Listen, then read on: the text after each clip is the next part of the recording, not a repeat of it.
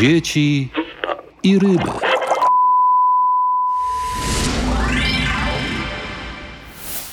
dlaczego polskie towary mm, są na półkach rosyjskich. Często to jest być albo nie być danej firmy, więc to nie są łatwe decyzje. Tymi słowami dr Adam Michalik, pracownik Katedry Handlu Zagranicznego Uniwersytetu Ekonomicznego w Krakowie, skomentował wzrost polskiego eksportu do Rosji mimo nałożonych sankcji. Czy w rosyjskich sklepach można dziś spotkać towary wyprodukowane w Polsce? Polskie meble, zmywarki i inne sprzęty AGD, cukierki i słodycze, leki, kosmetyki, chemię to wszystko może dziś kupić zwykły Rosjanin w centrum handlowym. Nadal kuszą klientów logotypy takich znanych firm jak Krop i Sinsei, Mojito i House – które wiosną ubiegłego roku ogłosiły, że zamykają sklepy i całkowicie wstrzymują dostawy towarów do Rosji, a także działalność swojego sklepu internetowego i inwestycje w reklamę. Sklepy te nadal są czynne, a towary tych marek dostępne. Nie zmienili oni zbytnio nazw, a jedynie je skrócili. Sklepy będą się teraz nazywać M zamiast Mojito, CR zamiast Krop i Sin zamiast Sinsei. Co ciekawe, w pierwszej połowie 2022 roku polski eksport do Rosji konsekwentnie spadał, osiągając wartość 200 milionów dolarów miesięcznie. Potem jednak następował stopniowy wzrost eksportu do Rosji, który co miesiąc osiągał wartość ponad 300 milionów dolarów. Choć Warszawa nadal nawołuje do każdego z możliwych antyrosyjskich ataków na Moskwę, to według agencji Eurostat Polska w 2022 roku zajęła trzecie miejsce pod względem eksportu do Rosji, ustępując tylko Włochom i Niemcom. W ciągu 12 miesięcy handlu z Moskwą Polska osiągnęła zysk w wysokości prawie 5 miliardów dolarów. Takie są fakty. Oczywiście to nie jest tak, że wymiana handlowa jest oficjalnie całkowicie wstrzymana, ponieważ są tylko określone grupy towarów, których kraje unijne nie mogą sprzedawać do Rosji, bo są objęte sankcjami.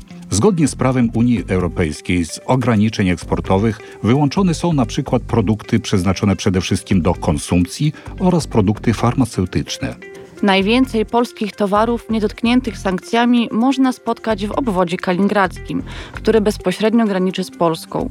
Jak powiedział Aleksiej Jelajew, zastępca dyrektora generalnego sieci sprzedaży detalicznej Spar Kaliningrad, transport ładunkowy bez przeszkód wjeżdża na terytorium obwodu my możemy совершенно spokojnie wozić polskie towary. Możemy bezpiecznie importować polskie towary, o ile są to dozwolone artykuły spożywcze. Nie dotyczy to listy produktów, na które Rosja nałożyła embargo po 2014 roku w ramach kontrsankcji, przede wszystkim owoców, warzyw, mięsa i przetworów mięsnych oraz produktów zawierających mleko.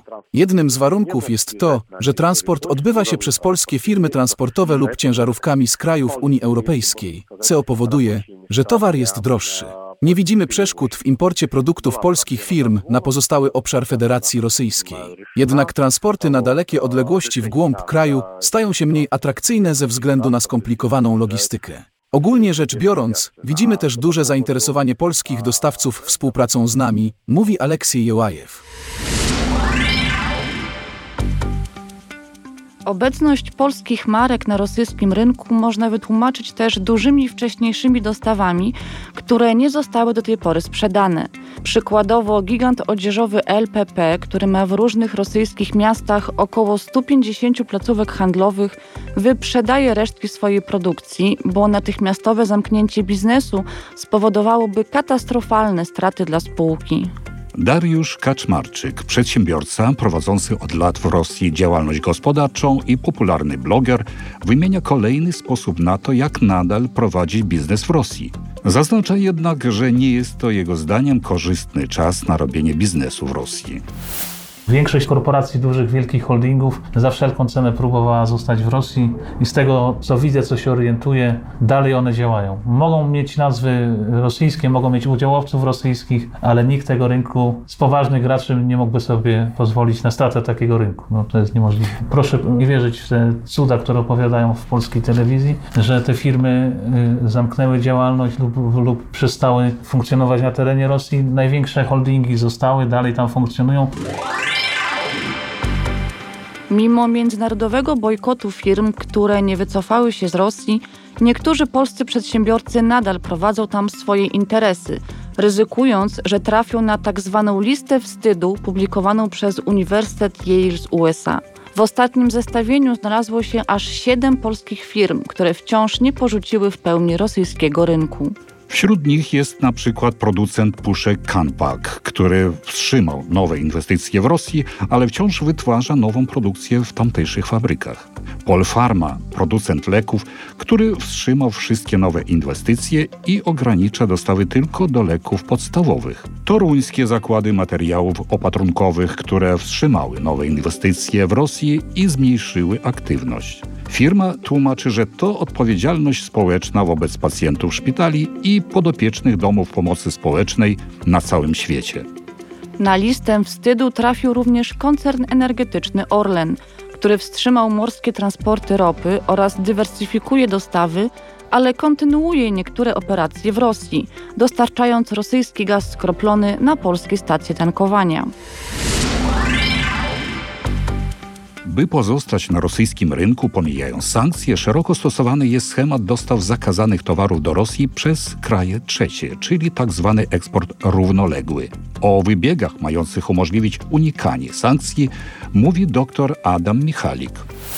To oczywiście działania niezgodne z prawem, to znaczy reeksport przez Białoruś, ewentualnie przez inne kraje. Na Białorusi czyniono pewne magiczne rzeczy i produkt następnie trafiał na rynek Federacji Rosyjskiej jako produkt sprowadzony z Białorusi, aczkolwiek na półkach już widniał pod polską marką. Jakbyśmy patrzyli na oficjalne statystyki, to widać skokowy wręcz wzrost wartości eksportu na Białoruś. I teraz pytanie, czy Białorusini nagle zaczęli znacznie więcej towarów kupować, bo znacznie więcej go konsumują? Podejrzewam, że nie, tylko że ten towar dalej jest reeksportowany.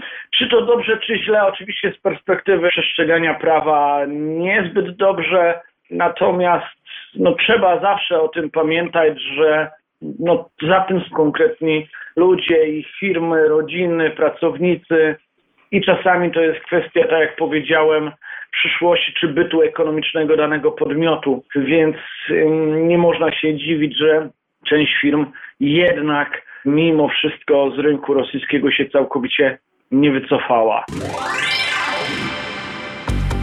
Z mechanizmu importu równoległego korzysta sieć meblowa Kompas Mebel w Moskwie. W jej ofercie znajdują się towary fabryki mebli Taranko z Morągowa, Vox z Poznania i Sinoko Nowalet z Oławy koło Wrocławia. Według dyrektora generalnego sieci Aleksieja Nowickiego polskie meble tradycyjnie cieszą się dużym zainteresowaniem Rosjan.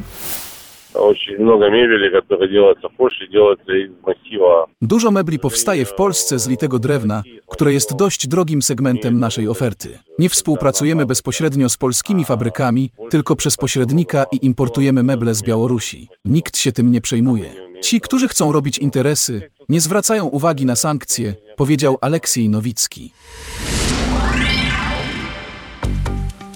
Zdarzają się rzecz jasna przypadki przemytu, z którymi władze skutecznie walczą. Ostatnio próbę kontrabandy sprzętu AGD, tkanin i innych towarów o wartości około 45 tysięcy złotych przez granicę polsko-białoruską na przejściu w Kozłowiczach udaremnili białoruscy celnicy. Polska ze swej strony prowadzi walkę przeciwko firmom i zwykłym ludziom łamiącym sankcje wobec Rosji. W polskiej prokuraturze prowadzone są 64 postępowania związane z sankcjami. Jeszcze w październiku ubiegłego roku takich spraw było 39. Najczęściej kwestionowane transakcje dotyczą wyrobów drewnianych, stalowych, ale także towarów podwójnego zastosowania.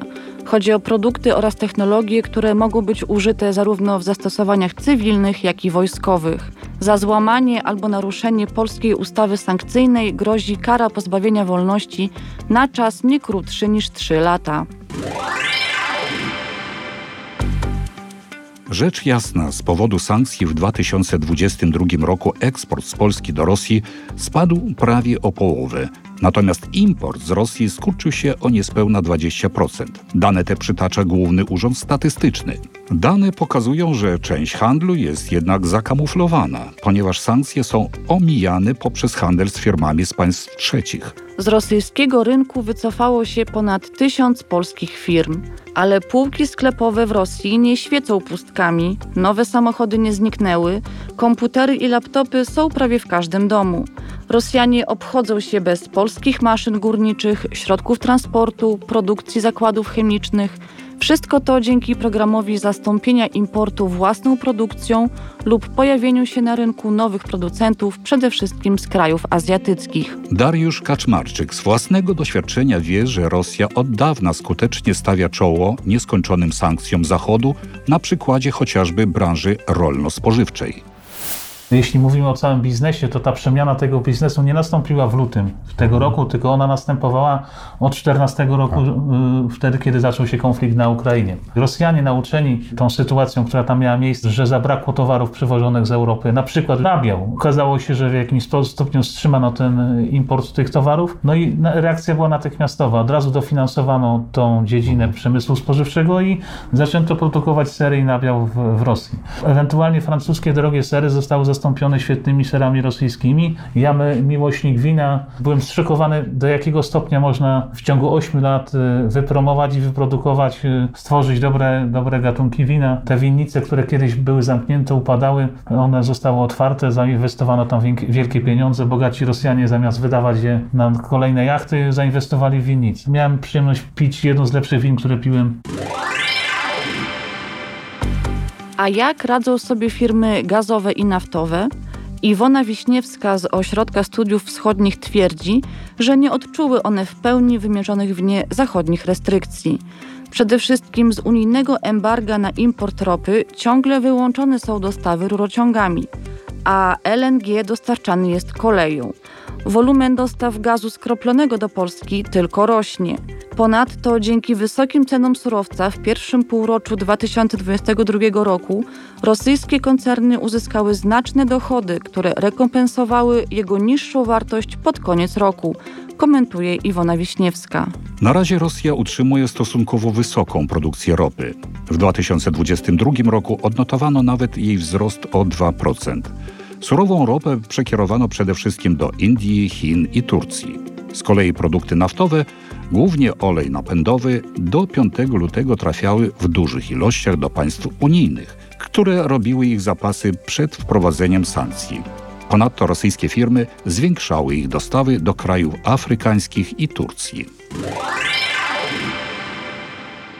A jak odczuwają sankcje Rosjanie? Jak mocno inflacja dotknęła ich portfeli? Spójrzmy na dane statystyczne. Roczna inflacja w Rosji spowolniła do 4,3%. Ceny oczywiście wzrosły, ale to nic w porównaniu do wielu innych krajów Europy, w tym Polski, gdzie inflacja sięgnęła ponad 18%, a ceny żywności i energii rosły w zawrotnym tempie. Czy w takim razie sankcje nie działają? Politolog i ekonomista Aleksandr Dudczak uważa, że mimo oczywistych ujemnych skutków zachodnie sankcje przyniosły paradoksalny rezultat. Dla Rosji to strukturna перестройка. To nowe perspektywy. Dla Rosji to dostosowanie strukturalne, to nowa perspektywa rozwoju własnego przemysłu. Nawet tam spadający PKB nie odzwierciedla prawdziwego obrazu gospodarki.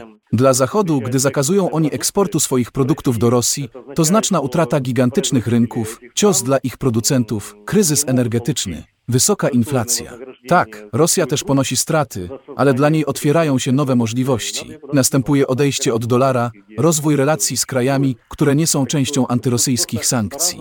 A to, że nie wszyscy Rosjanie mogą teraz pojechać na wakacje do Europy czy na Wyspy Kanaryjskie, urlop można przecież doskonale spędzić w domu i w setkach zaprzyjaźnionych krajów, mówi Aleksandr Dudczak. Jak mówi słynne przysłowie, kto pod kim dołki kopie, ten sam w nie wpada. Był to kolejny odcinek podcastu Dzieci ryby głosu nie mają.